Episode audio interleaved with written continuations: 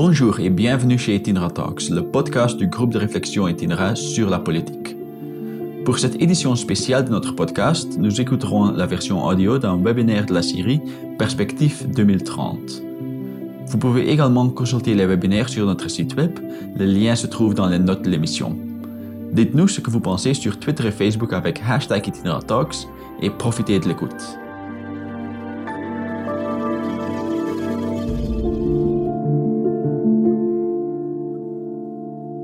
Bienvenue mesdames et messieurs, ou peut-être re-bonjour. Jean Hendricks est professeur ordinaire d'économie à l'Université catholique de Louvain et président de l'École des sciences économiques de l'UCL. Il est cofondateur et senior fellow d'Itinera et membre du Conseil académique des pensions depuis 2014. Jean nous présentera dans cet épisode sa vision pertinente et appel d'action en urgence sur les réformes des pensions.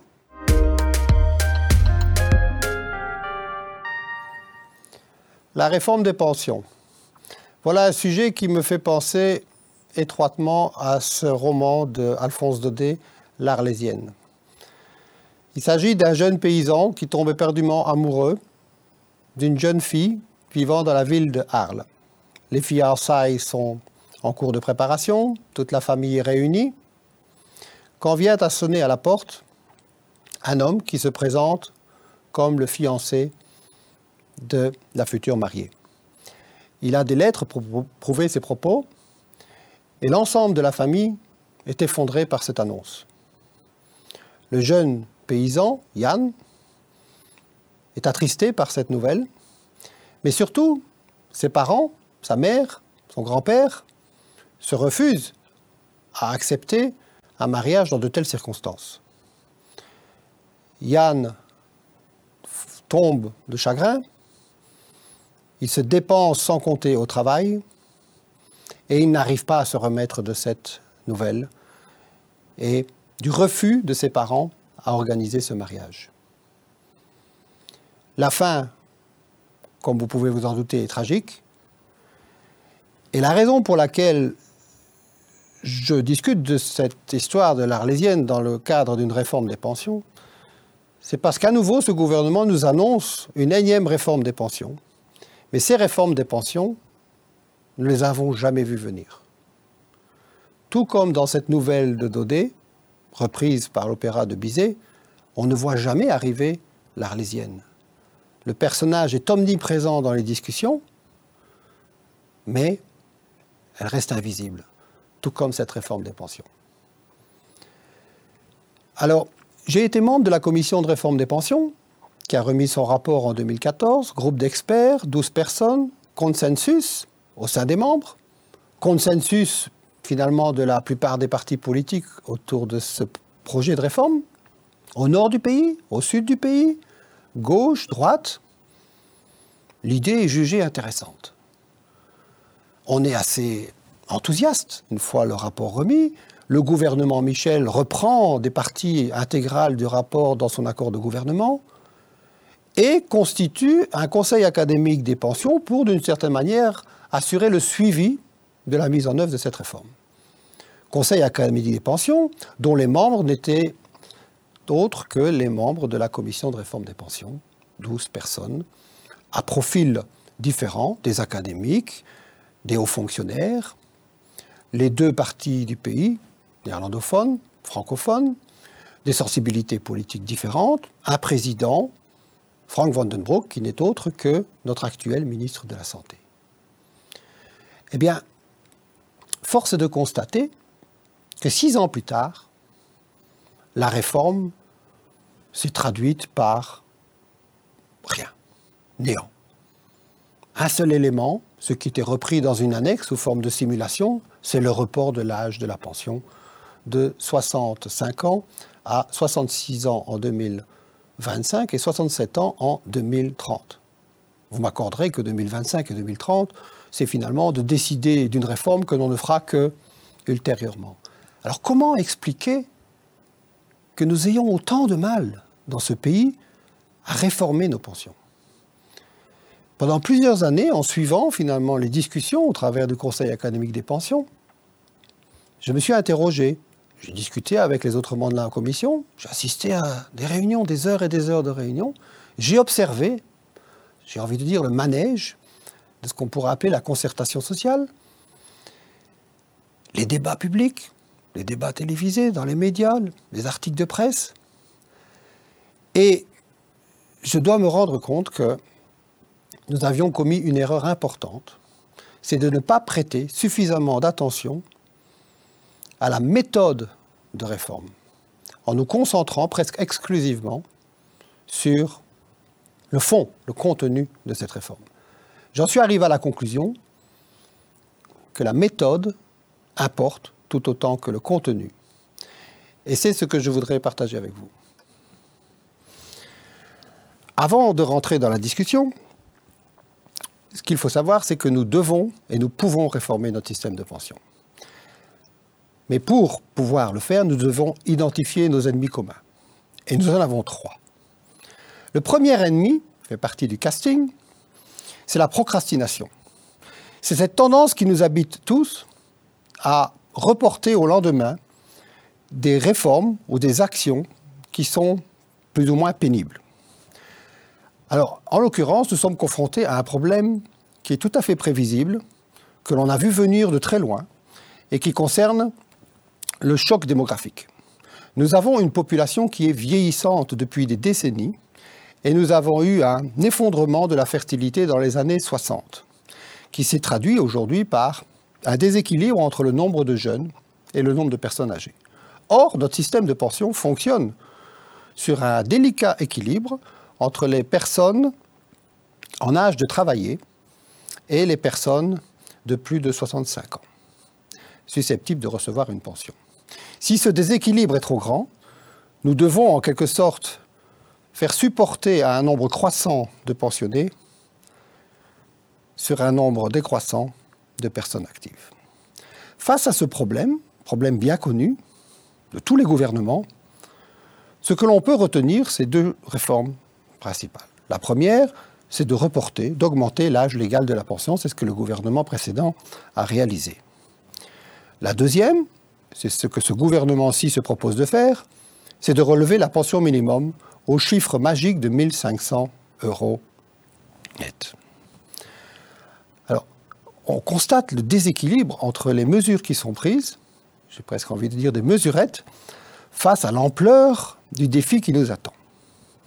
Et tout ça est lié au premier ennemi commun qui nous habite tous, nous sommes tous responsables de ça, c'est cette tendance à la procrastination. Deuxième ennemi commun, c'est, je dirais, la désinformation. L'ignorance. Les gens ne sont pas suffisamment informés de la réalité des pensions d'aujourd'hui. On voit circuler dans les médias des tableaux comparatifs en matière de pensions moyennes euh, en 2019-2020. Et on vous montre des chiffres de l'ordre de 1155 euros par mois, pension moyenne, en Belgique, que l'on compare à d'autres pays, tels que l'Allemagne, 1289 euros par mois, ou les Pays-Bas, encore mieux, 1639 euros par mois. Comme si ces chiffres étaient complètement comparables. Que veulent dire exactement ces 1155 euros? C'est un chiffre très étonnant quand on sait que la GRAPA elle-même est déjà plus élevée que ça. La GRAPA, c'est une garantie de retraite pour personnes âgées et qui offre un socle minimum et qui est déjà supérieur à 1155 euros. Comment pouvons-nous obtenir des chiffres aussi bas? Première chose. Deuxième chose, si je compare les pays, je dois aussi comparer les durées de carrière. Si je constate qu'en Allemagne, la pension moyenne est plus élevée et aux Pays-Bas est aussi plus élevée qu'en Belgique, je dois tenir compte des différences de durée de carrière. Or, il se fait que en Belgique, nous travaillons en moyenne cette année de moins que l'Allemagne ou que les Pays-Bas. Et donc, nous devons avoir une information comparatif qui tient à la fois compte des niveaux de pension, en s'accordant bien sur ce que sont ces niveaux de pension, et deuxièmement, sur les durées de carrière par rapport à ces niveaux de pension, sachant qu'une carrière plus longue génère normalement un niveau de pension plus élevé. Et donc, une meilleure information pourrait contribuer à améliorer la qualité des débats et des discussions et aussi à favoriser l'adhésion à une réforme de pension. Troisième élément, Troisième ennemi commun, la particratie.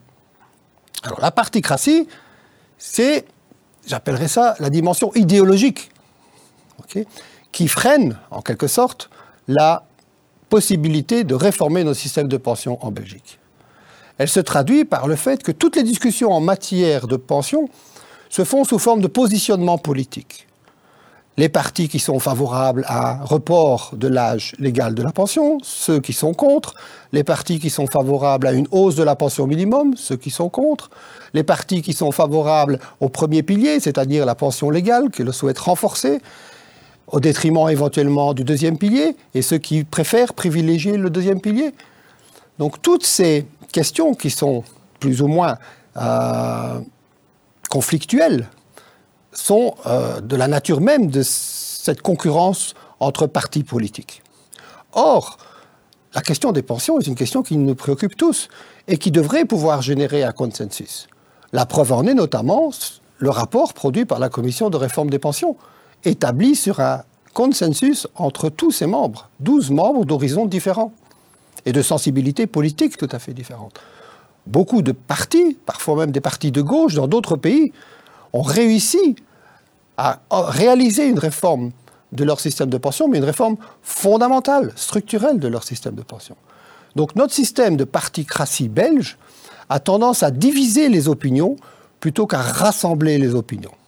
Elle devient en quelque sorte un obstacle et nous, nous amène en quelque sorte à être un peu à la traîne, et même très à la traîne par rapport à toutes les réformes qui sont menées dans les pays voisins.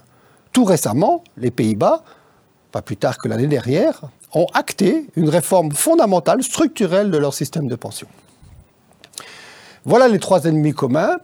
On pourrait les résumer par les trois I, à savoir I comme ignorance, I comme idéologie et I comme inertie.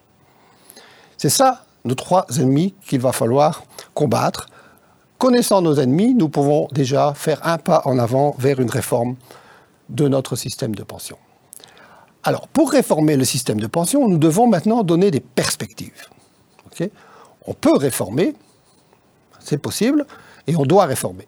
Mais nous devons donner les perspectives, les directions à suivre. La première perspective à donner, l'objectif à atteindre de cette réforme, c'est de consolider la confiance dans le système de pension. Aujourd'hui, les gens doutent de ce système de pension et ne considèrent plus que cette pension légale offre la sécurité qu'elle est supposée offrir. Il y a donc un manque de confiance dans ce système qu'il faut absolument rétablir. Donc l'objectif numéro un, c'est de consolider la confiance dans ce système de pension et aussi, et surtout, d'éliminer toutes sortes de confusions. Nous allons y revenir. Le deuxième objectif auquel il faudra viser est celui de l'adaptation.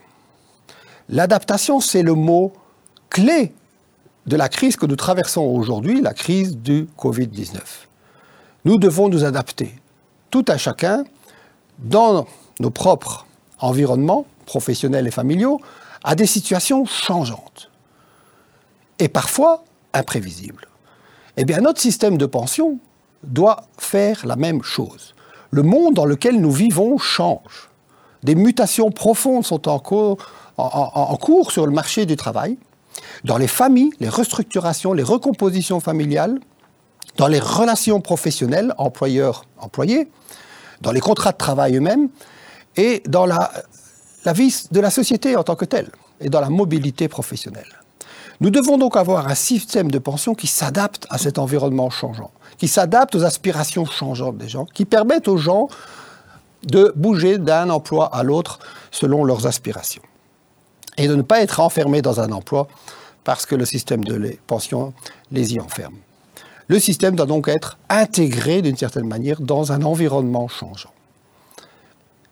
Troisième élément, troisième objectif, j'ai envie de dire, pour une réforme de pension, c'est de renforcer toutes les formes de solidarité. Voilà encore un bel exemple durant la crise que nous traversons aujourd'hui, cette fameuse crise du Covid, où le mot d'ordre a été une équipe, une seule équipe pour 11 millions de personnes. On a aujourd'hui des collaborations tout à fait inédites dans la production de euh, vaccins, notamment, deux grands groupes industriels pharmaceutiques décident de se joindre, de joindre leurs forces pour produire ensemble un même vaccin.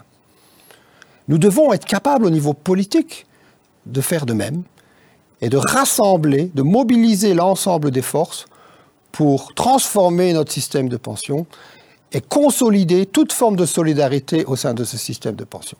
Des solidarités entre actifs, inactifs, entre jeunes et moins jeunes, des solidarités entre hommes et femmes.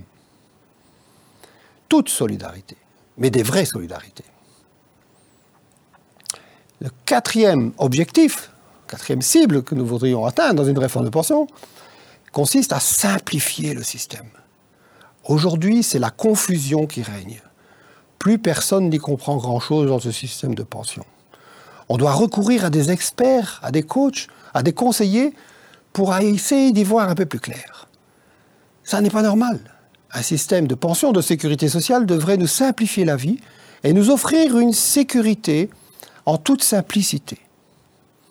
Voilà un objectif à atteindre. Ces quatre objectifs devraient être finalement une force de mobilisation au sein de la population et de rassemblement autour d'une réforme structurelle des pensions qui vise à atteindre ces quatre objectifs. Alors, pourquoi devons-nous réformer, me diriez-vous Eh bien, parce que nous avons quatre problèmes à résoudre dans notre système de pension. Le premier problème est un problème gravissime compte tenu du mode d'organisation de ce système de pension qui est basé sur la répartition. La répartition, c'est une forme de solidarité entre générations où les jeunes actifs contribuent pour payer les pensions des retraités du moment. C'est donc basé sur un espèce de contrat de confiance. La confiance que les jeunes, lorsqu'ils seront à leur tour retraités, recevront de leurs propres enfants les cotisations nécessaires au versement de leur pension. Or, ce que nous constatons aujourd'hui, c'est que moins d'un tiers de la population active, et notamment des jeunes, ont encore confiance dans ce système. C'est-à-dire qu'ils ne pensent pas pouvoir obtenir une pension adéquate lorsqu'ils prendront leur retraite à leur tour. Et cela mine la confiance du système et mine leur disposition à faire partie de cette solidarité qui, à certains égards, semble se faire sans eux et parfois même contre eux. Le deuxième problème est la complexité du système. Ce système est devenu incompréhensible. Il est incompréhensible notamment du fait que de plus en plus d'affiliés, d'actifs d'aujourd'hui, combinent des carrières dans différents régimes, ce que l'on appelle les carrières mixtes. Et comme les régimes fonctionnent selon des règles différentes, qui s'entrechoquent parfois l'une l'autre, qui se contredisent l'une l'autre, ça rend en quelque sorte le calcul tant des conditions d'accès à la pension que le calcul du montant de la pension très compliqué. À cela s'ajoutent les situations familiales changeantes, les recompositions familiales. Tout cela n'apporte pas la simplicité que l'on souhaite dans ce système de pension. Et surtout, elle crée une grande confusion et, très et un sentiment d'insécurité. Le troisième problème, c'est le coût des pensions. On en parle souvent.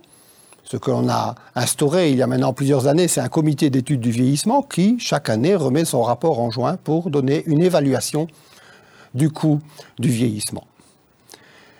Mais ce que les gens ne savent pas, c'est que ce coût des pensions, si on le regarde de plus près, se décompose de manière tout à fait inattendue. Si je regarde l'évolution des dépenses de pension entre sur 10 années, donc entre 2010 et 2020, nous avions un montant total de dépenses de pension de 36 milliards en 2010 qui est passé à 52 milliards en 2020, soit 16 milliards supplémentaires de dépenses de pension chaque année. Eh bien, parmi ces 16 milliards, 12 milliards, c'est-à-dire trois quarts de cette augmentation des dépenses de pension, est liée non pas au vieillissement, mais est lié à une augmentation du montant des pensions, c'est-à-dire à une revalorisation des pensions. J'ai envie de dire, quand je vois cela, que ce n'est pas le vieillissement qui est coupable, pourtant c'est toujours de lui qu'on nous parle, comme finalement premier suspect en ce qui concerne l'augmentation des dépenses de pension, alors que ce sont les revalorisations. Cela pose question. en matière de coûts, une autre chose peu connue, c'est qu'il y a aujourd'hui un décrochage progressif depuis maintenant une quinzaine d'années entre l'évolution des cotisations à la sécurité sociale et l'évolution des dépenses de pension. L'évolution des dépenses de pension se fait deux fois plus rapidement, l'augmentation des dépenses de pension, que l'augmentation des cotisations. Et cela depuis 2003. Plus ou moins la période à laquelle nous avons fait ce grand pacte pour les générations.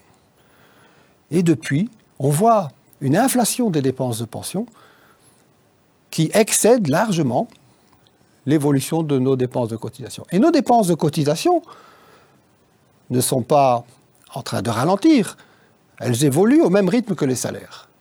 À l'exception évidemment de cette crise que nous traversons aujourd'hui, la crise du corona, où, compte tenu de la situation du chômage économique et euh, de l'interdiction de prester pour un certain nombre de secteurs jugés non essentiels, nous avons une réduction massive des cotisations.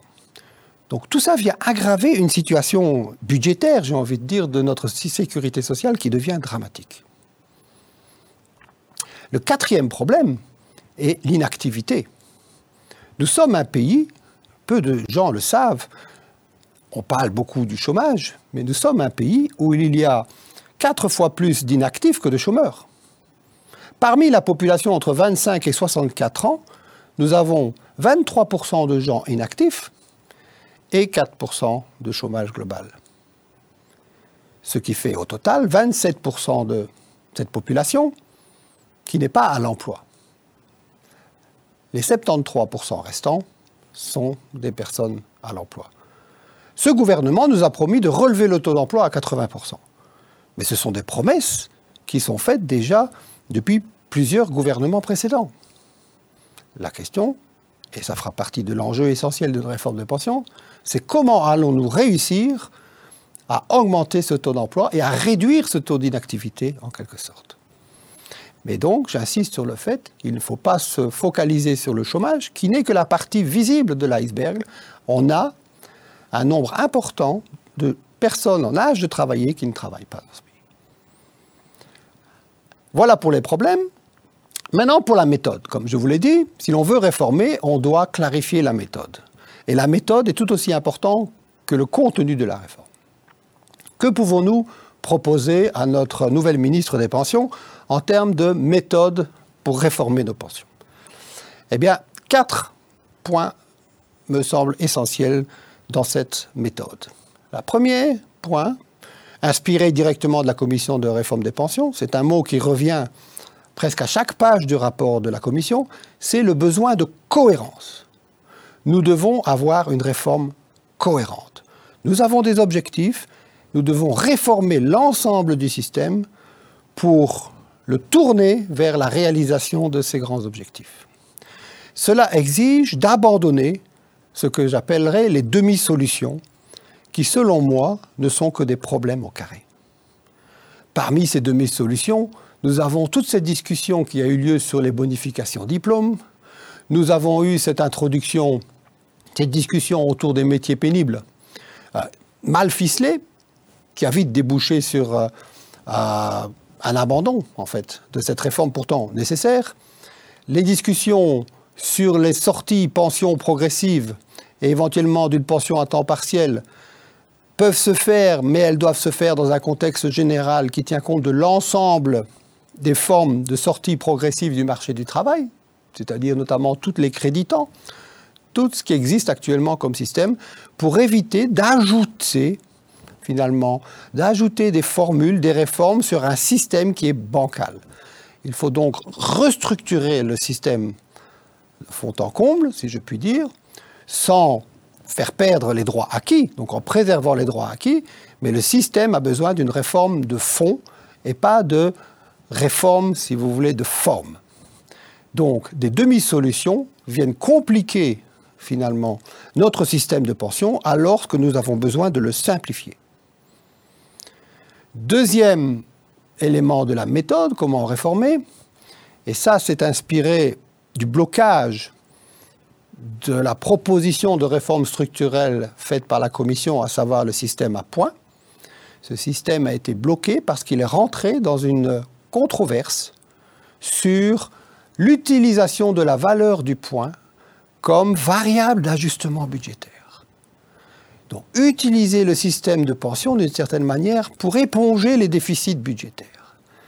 Eh bien, une manière d'éviter ce genre de problème à l'avenir consiste à bien séparer, bien dissocier la question du financement des pensions, ce que j'appellerais les questions de rationnement éventuellement si les finances ne suffisent plus, des questions de rationalisation.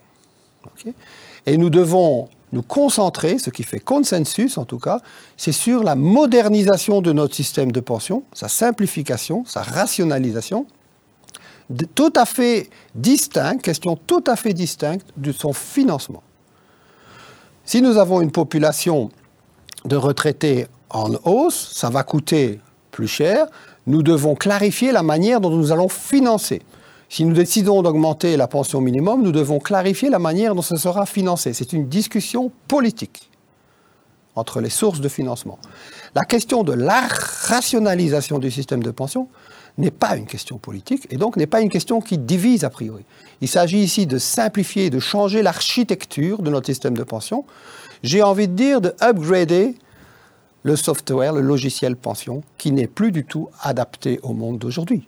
Nous pouvons upgrader notre logiciel, sans changer notre ordinateur, en préservant donc toutes nos données, si je puis dire, dans notre ordinateur, tout le travail passé, mais sans nous poser la question du financement ou la question budgétaire. Malheureusement, toute la question en matière de réforme de pension se heurte systématiquement à ce débat.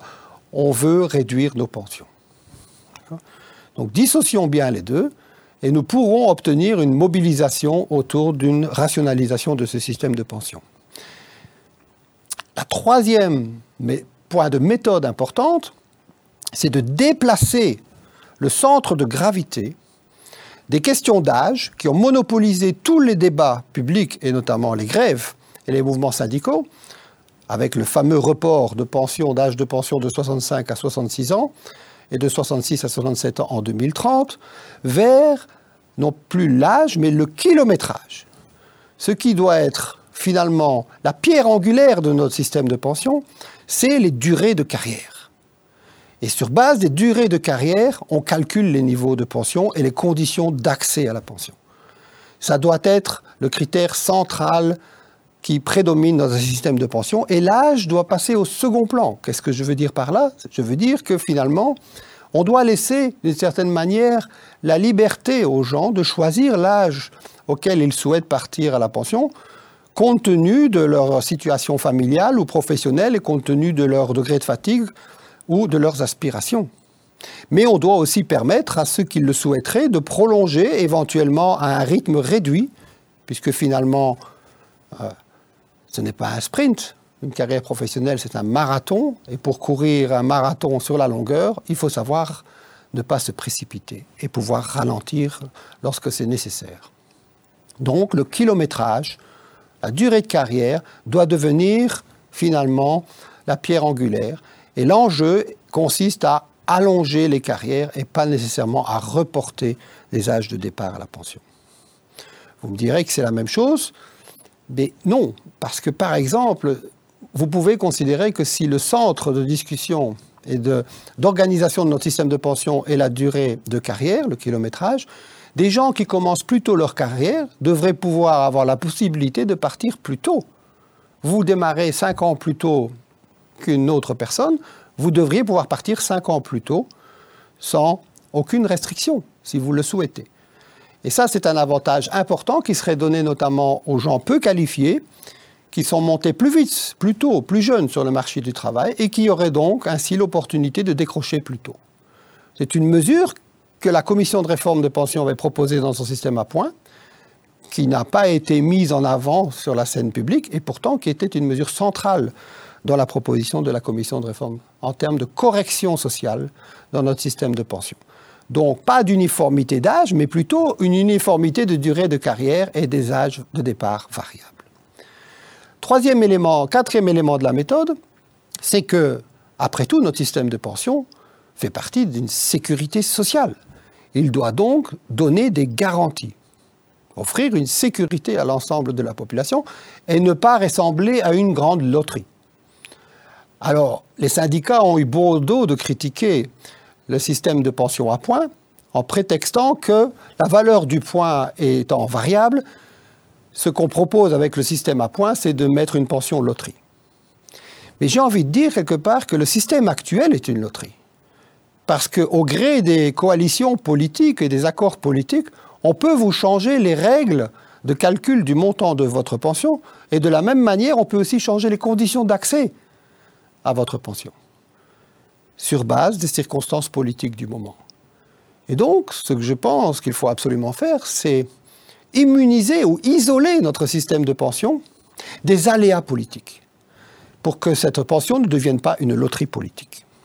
elle doit donc proposer des garanties qui sont actées, notamment une des garanties qui me semble essentielle, c'est qu'une pension ne puisse pas baisser dans un horizon donné. D'autant plus qu'on demande aux gens de travailler plus longtemps.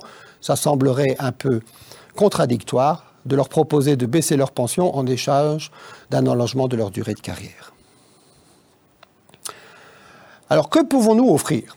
Étant donné ces propositions de méthode, venons-en au contenu même de la réforme.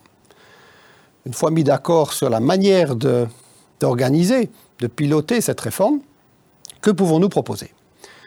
Mais comme je vous l'ai dit, il y a deux éléments essentiels derrière le besoin de réformer, qui peut faire consensus. Le premier, c'est de simplifier le système. Et le deuxième, c'est de rendre la confiance dans le système. Et je pense que vous auriez tous remarqué qu'il y a une réforme qui a eu lieu. Et c'est la réforme de mypension.be. Et c'est une réforme qui a fait l'objet d'aucune contestation. C'est une réforme qui a fait consensus. C'est une réforme assez spectaculaire parce qu'au sein de mypension.be, on a intégré différents services de pension. Les régimes de pension des fonctionnaires, les régimes de pension des indépendants et les régimes de pension des salariés. On a tout intégré et on a augmenté la lisibilité et même la prévisibilité dans les conditions d'accès à la pension et dans le montant de la pension, pour autant que vous approchez de l'âge de pension.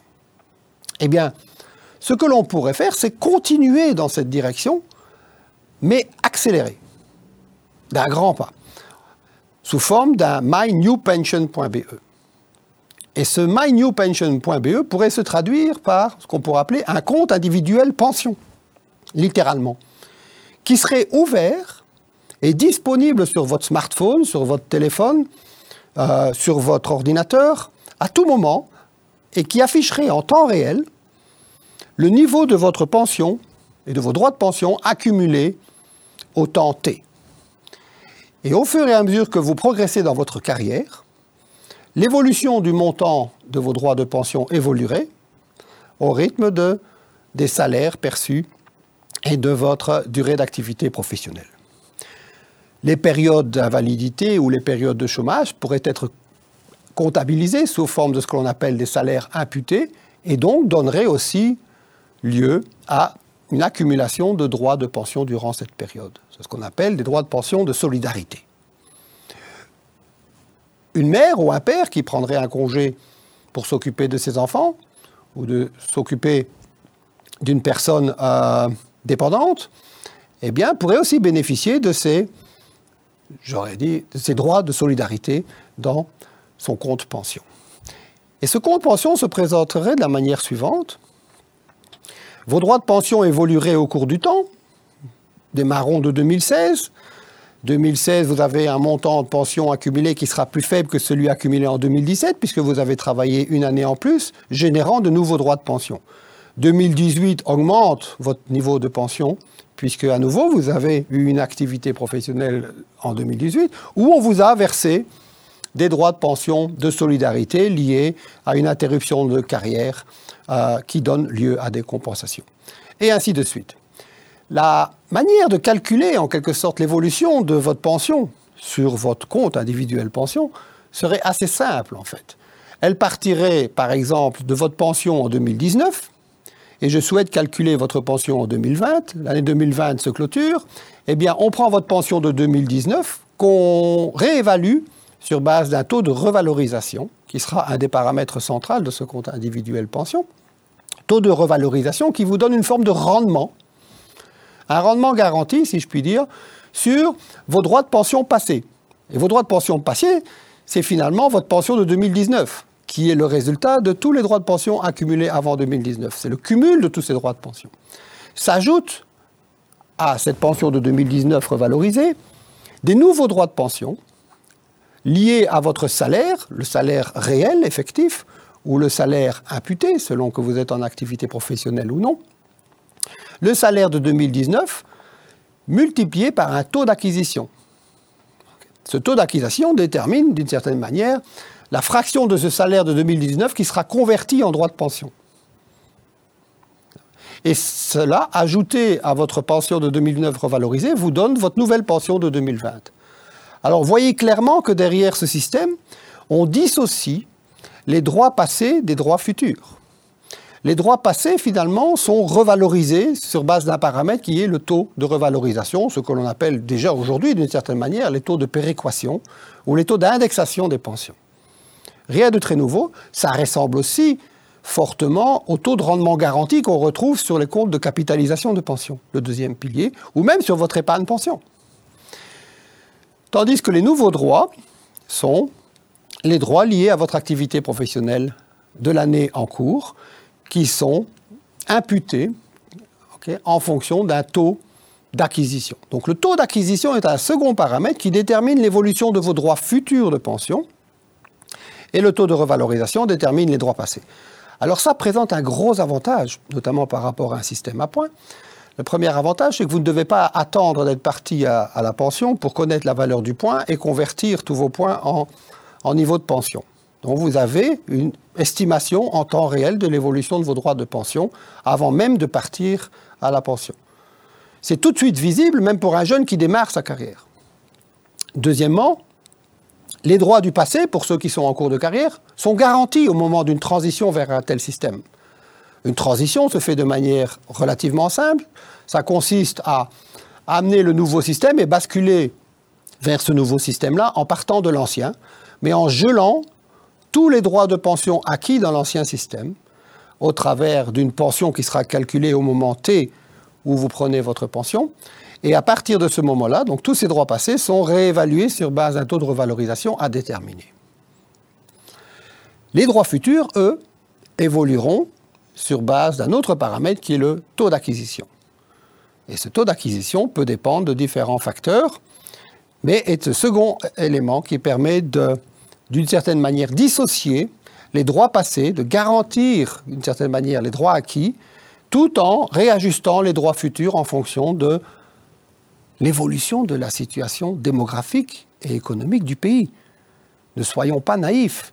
Nous sommes aujourd'hui dans une situation qui économiquement est très difficile, avec un problème de financement majeur de notre sécurité sociale. Des déficits de plusieurs milliards sont estimés pour l'année 2020 et probablement déficits tout aussi grands pour l'année 2021.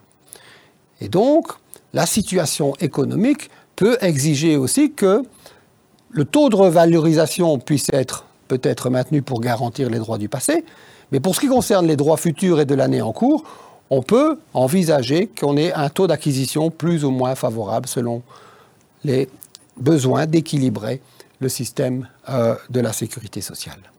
Mais donc, le fameux euh, objectif d'adaptation, d'adaptabilité du système se retrouve intégré dans ce compte individuel pension.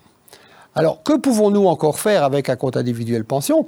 Eh bien, nous pouvons organiser un partage des droits de pension, pension au sein de la famille pour mutualiser en quelque sorte les charges parentales lorsque un des conjoints décide de mettre sa carrière entre parenthèses ou de passer à temps partiel pour assurer les tâches familiales, eh bien, cette personne ne se voit plus amputée dans ses droits de pension. Et cela se fait concrètement comment? En partageant, en mutualisant le compte individuel de pension entre conjoints. Ce que ce gouvernement euh, se propose de faire, c'est ce fameux pension split. On peut aussi faire une sortie progressive à la pension, organiser un système de pension à temps partiel. Très concrètement, à 60 ans, vous pouvez décider de ralentir, de passer à mi-temps. Dans ce système-là, vous passez à mi-temps, vos droits passés sont revalorisés et vos, nouveaux droits de pension seront basés sur un salaire à mi-temps fois un taux d'acquisition. Qu'est-ce que ça veut dire? Ça veut dire que même si vous poursuivez à mi-temps, vous pouvez continuer à accumuler des droits de pension, mais vous pouvez aussi déjà mobiliser une partie de cette pension, puisqu'elle est sur vos comptes individuels. Alors la partie de la pension que vous décidez de mobiliser, de liquider, si je puis dire, eh bien, est déduite de ce, euh, de ce compte, et vous continuez à accumuler dans ce compte comme si vous aviez un capital que vous, euh, que vous mobilisez, que vous liquidez pour pouvoir vous octroyer une pension à mi-temps qui viendra compléter votre salaire à mi-temps. Mais ce qui est central ici dans ce mécanisme-ci, c'est que la poursuite de votre activité professionnelle, malgré un départ anticipé à la pension, mais un départ sous forme de temps partiel, une pension à, temps partiel, eh bien, ne vous empêche pas de continuer à accumuler des droits de pension pour euh, votre temps partiel. C'est quelque chose qui n'est pas possible aujourd'hui. Si vous prenez une pension anticipée aujourd'hui, et même si vous poursuivez dans une certaine mesure, vous pouvez poursuivre de manière limitée votre activité professionnelle, ça ne génère plus de droits de pension. Ici, la nouveauté, c'est que toute activité professionnelle génère des cotisations et génère donc des droits de pension supplémentaires. Un autre aspect intéressant euh, de ce compte individuel pension, qui, qui consiste à donner très clairement la lisibilité et la prévisibilité dans vos droits de pension. Si vous devez décider, est-ce que je poursuis mon activité professionnelle ou est-ce que je passe à mi-temps Est-ce que je change d'activité professionnelle Quel sera l'impact sur mes droits de pension? Tout cela est tout à fait calculable. Et surtout, tout ce qui relève des droits de passé est acquis et restera dans votre compte. Donc, un changement d'orientation professionnelle pour passer d'un régime de pension à un autre ne génère pas de rupture dans le calcul de pension et surtout de, risque de perdre dans vos droits de pension. Ici, vos droits de pension du passé sont acquis et ne seront plus renégociés. Et donc, quels que soient vos choix professionnels et vos réorientations professionnelles. Donc, cette réorientation professionnelle va avoir pour effet tout simplement de modifier éventuellement vos salaires. Vous pourriez accepter de changer de profession, quitte à gagner un peu moins, mais malgré tout, vous pouvez maintenir les droits du passé. Prenons un exemple concret. Un cadre dans une banque ou dans le monde de l'assurance souhaite terminer sa carrière dans l'enseignement parce qu'il a envie de porter sa pierre à l'édifice, considère que finalement l'école c'est le premier bloc central dans la construction finalement de l'avenir du pays et souhaite s'y investir, eh bien passer d'un régime de salariés ou éventuellement même d'indépendants, c'est un régime particulier de pension vers un régime du secteur public, peut générer des modifications dans le calcul des droits de pension. Eh bien, tout cela sera très clairement dissocié, puisque tout ce qui est droit passé est acquis, les droits futurs seuls peuvent changer sur base des changements de régime. Ce système permet aussi d'organiser finalement tous les régimes de pension et les carrières mixtes notamment, de manière uniforme, si je puis dire. Ça ne veut pas dire qu'il y a une harmonisation immédiate. De manière uniforme, ça veut dire que ce sont selon des règles communes. Les règles sont les règles affichées de calcul de ces droits de pension, basées sur les fameux taux de revalorisation et taux d'acquisition. Donc on voit bien qu'on arrive ici à des formules qui pourraient faire consensus et qui pourraient très vite être mises en place, notamment pour les jeunes qui rentrent sur le marché du travail, qui, comme je vous l'ai dit, ces jeunes, moins de un jeune sur trois a encore confiance dans le système de pension, et il y a donc une nécessité, je dirais presque même une urgence, à restaurer la confiance parmi nos jeunes en leur proposant finalement de démarrer leur carrière professionnelle avec un compte pension affiché dès leur première année d'activité professionnelle sur leur smartphone. Et à partir de là, j'aurais envie de dire, le compteur kilométrique se met en marche, les droits de pension s'accumulent et cette personne active voit finalement le lien qu'il y a entre son activité professionnelle, ce que cette personne contribue finalement, et les droits de pension que cela génère. Il y a aussi une forme d'appropriation dans ce système de pension. Grâce à la plus grande transparence, il devient moins possible, plus difficile, même presque impossible, pour un régime politique particulier ou pour une coalition politique particulière de remettre en question ces droits et de revenir sur le calcul des droits, puisque comme je vous l'ai dit, le système est basé sur des droits passés qui peuvent être gelés et éventuellement revalorisés. Et ce que l'on peut faire, par contre, c'est modifier ce qu'on appelle le taux d'acquisition, c'est-à-dire le calcul des droits futurs. Alors vous me direz, oui, mais qu'en est-il des personnes qui sont déjà à la pension? Eh bien, les personnes qui sont déjà à la pension, c'est assez simple finalement, puisque pour ces personnes, elles ont leur pension de 2019, et cette pension, ben, comme au jour d'aujourd'hui, euh, elle est indexée en fonction des péréquations euh, et des enveloppes bien-être. Eh bien, ces enveloppes bien-être se traduisent par le taux de revalorisation qui continue finalement à, fonctionner très clairement. Donc, c'est la revalorisation d'année en année en fonction de l'évolution des prix, notamment euh, des, des bénéfices de pension. Donc pas d'inquiétude à avoir en termes de droits acquis, si je puis dire, pour les pensions en cours. Par contre, euh, je pense qu'on doit aussi oser ouvrir le débat. Lorsque l'on a introduit cette discussion sur les pensions minimum, je pense que c'est une discussion qui est importante, qui doit avoir lieu. Eh bien, cette discussion sur les pensions minimum doit aussi nous poser la question sur les pensions maximum. Et sur une forme de solidarité dont on parle peu aujourd'hui, mais une solidarité tout aussi importante que la solidarité entre les actifs et les pensionnés, qui est la solidarité entre les pensionnés eux-mêmes. Nous avons des pensionnés qui sont finalement avec des situations financières et matérielles assez confortables, et d'autres qui sont dans des situations matérielles ou financières très peu confortables, en particulier chez les femmes, et euh, encore plus précisément chez les femmes veuves de plus de 80 ans, puisque leurs pensions sont très souvent des petites pensions, euh, liées euh, finalement à l'activité professionnelle de leur mari et euh, des pensions qui n'ont pas été correctement revalorisées. Et donc, on peut se poser aussi la question dans quelle mesure les pensionnés eux-mêmes ne peuvent pas faire preuve de solidarité entre eux avec les plus grosses pensions qui pourraient contribuer d'une manière ou d'une autre au financement d'une augmentation des plus petites pensions. Alors, un élément dont je n'ai pas discuté, qui a fait l'objet de grandes discussions euh, lors du gouvernement euh, Michel, c'est la pénibilité des métiers. Comment introduisez-vous une prise en compte de la pénibilité ici des métiers? Il y a deux manières. La première manière, souvent, c'est que les gens qui occupent des métiers pénibles sont des gens peu qualifiés. Et les gens peu qualifiés sont des gens qui démarrent leur carrière plus tôt, puisqu'ils n'ont pas fait d'études. Et donc, comme ils ont démarré plus tôt, ils peuvent aussi décrocher plus tôt et obtenir leur pension, donc le kilomètre, euh, le compteur kilométrique tourne, ils peuvent décrocher leur pension plus tôt. Et donc cette accumulation des droits de pension sur leur durée de carrière se fait plus rapidement. Et donc ils ont une pension euh, d'un montant donné et ils peuvent partir plus tôt.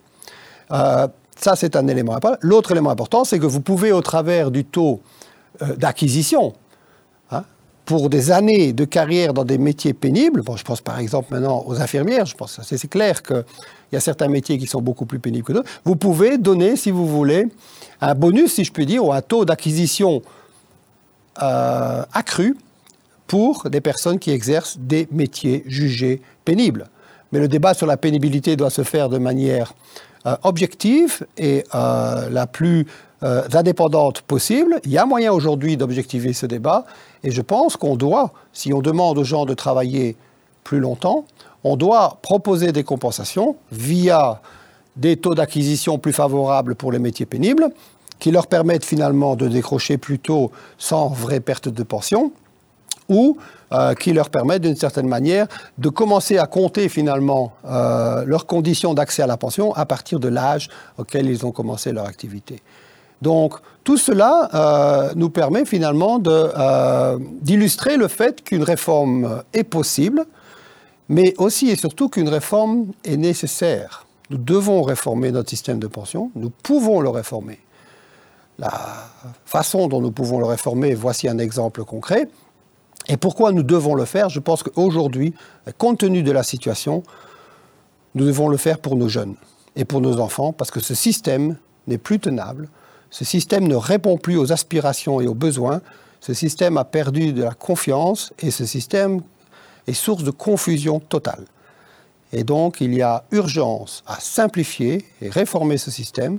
On peut le faire de manière non idéologique, sans conflit, en générant un consensus, à condition d'aller vers une simplification et peut-être à faire tomber certains tabous euh, en matière de réforme des pensions. Chacun doit accepter d'une certaine manière que dans une réforme, il y a des éléments moins agréables, mais il y a surtout des bénéfices. Et les bénéfices ici sont de restaurer la confiance, d'augmenter la prévisibilité et la lisibilité dans le système de pension par une plus grande transparence, et ça me semble être finalement les deux clés de voûte d'une réforme réussie des pensions. Et cette réforme, nous allons la faire, nous tous, et nous allons le faire au nom de notre jeunesse, qui a fait un grand sacrifice pour protéger ses pensionnés et qui, en retour, a le droit d'obtenir une pension fiable, crédible, à son tour. Tout comme le réchauffement climatique, j'ai envie de dire que cette réforme des pensions est une urgence sociale qui nous relie tous et j'espère pouvoir compter sur le plus grand nombre et qu'ensemble nous arriverons rapidement à nous mettre d'accord pour une réforme fondamentale et structurelle de nos pensions qui ne met pas en question ni en péril les droits du passé. J'insiste sur cet aspect-là. Merci de votre attention.